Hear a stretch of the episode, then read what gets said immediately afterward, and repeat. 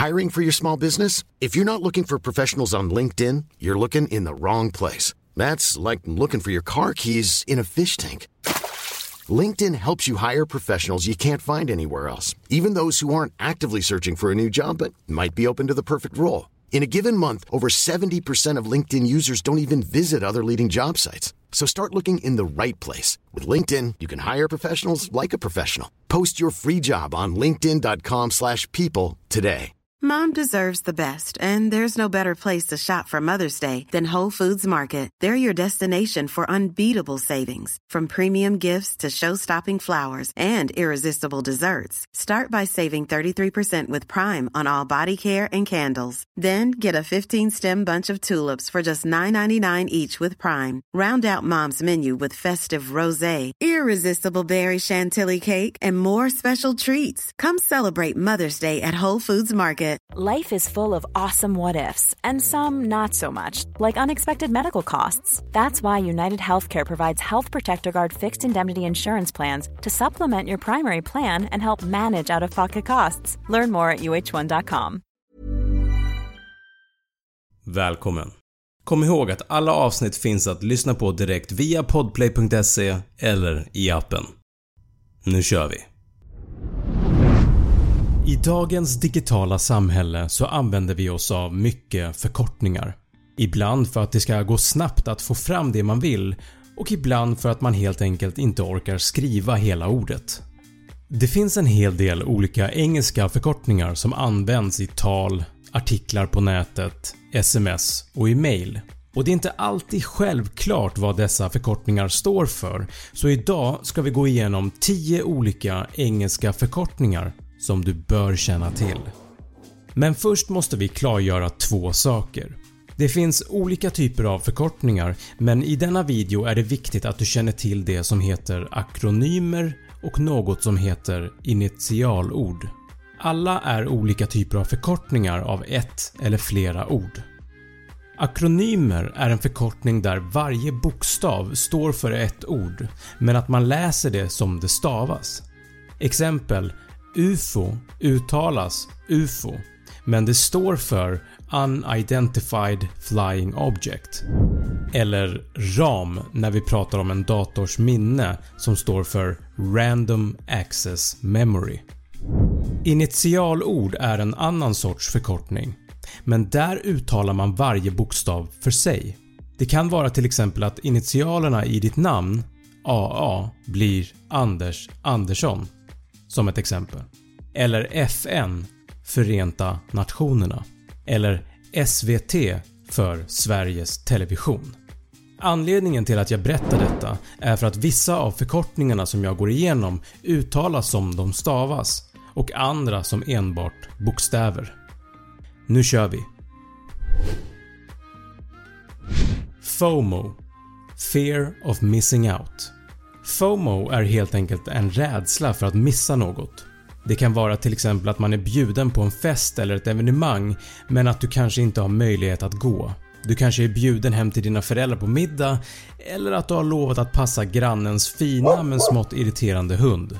Då kan en FOMO-känsla uppstå att du känner att du går miste om något annat som kanske är roligare. IMO In my opinion det står för “enligt min åsikt”. Exempel Kan du vattna gräsmattan imorgon när det regnar? Enligt min åsikt känns det onödigt. DIY Do it yourself Den här förkortningen ser man ofta på YouTube, att man ska “göra det själv”. Istället för att man anlitar till exempel en rörmokare så går man in på YouTube och skriver “rensa avlopp DIY” eller liknande och så får man fram tips på hur man kan göra det själv. Det finns hur mycket som helst. Testa! TLDR Too long didn't read För långt läste inte används främst i slutet av en lång text där man sammanfattar vad texten handlar om för att den som inte orkar läsa hela texten ska ändå få en uppfattning om vad texten handlade om. men kan också användas för att helt enkelt påpeka att texten är för lång och att man inte läste den på grund av det. AKA Also known as Även känd känt som Används för att referera till någon som har ett smeknamn. Exempel Ska du träffa Peter a.k.a. Snåljåpen imorgon? Men det kan också referera till ett objekt eller en plats. YOLO You only live once. Du lever bara en gång. Används ofta inför att man ska göra något galet eller olikt det som man brukar göra. Exempel Varför är du så glad? Imorgon ska jag hoppa fallskärm. YOLO har en viss liknelse med det latinska uttrycket “carpe diem” som betyder “fånga dagen”. YOLO kan också användas som en uppmaning till andra.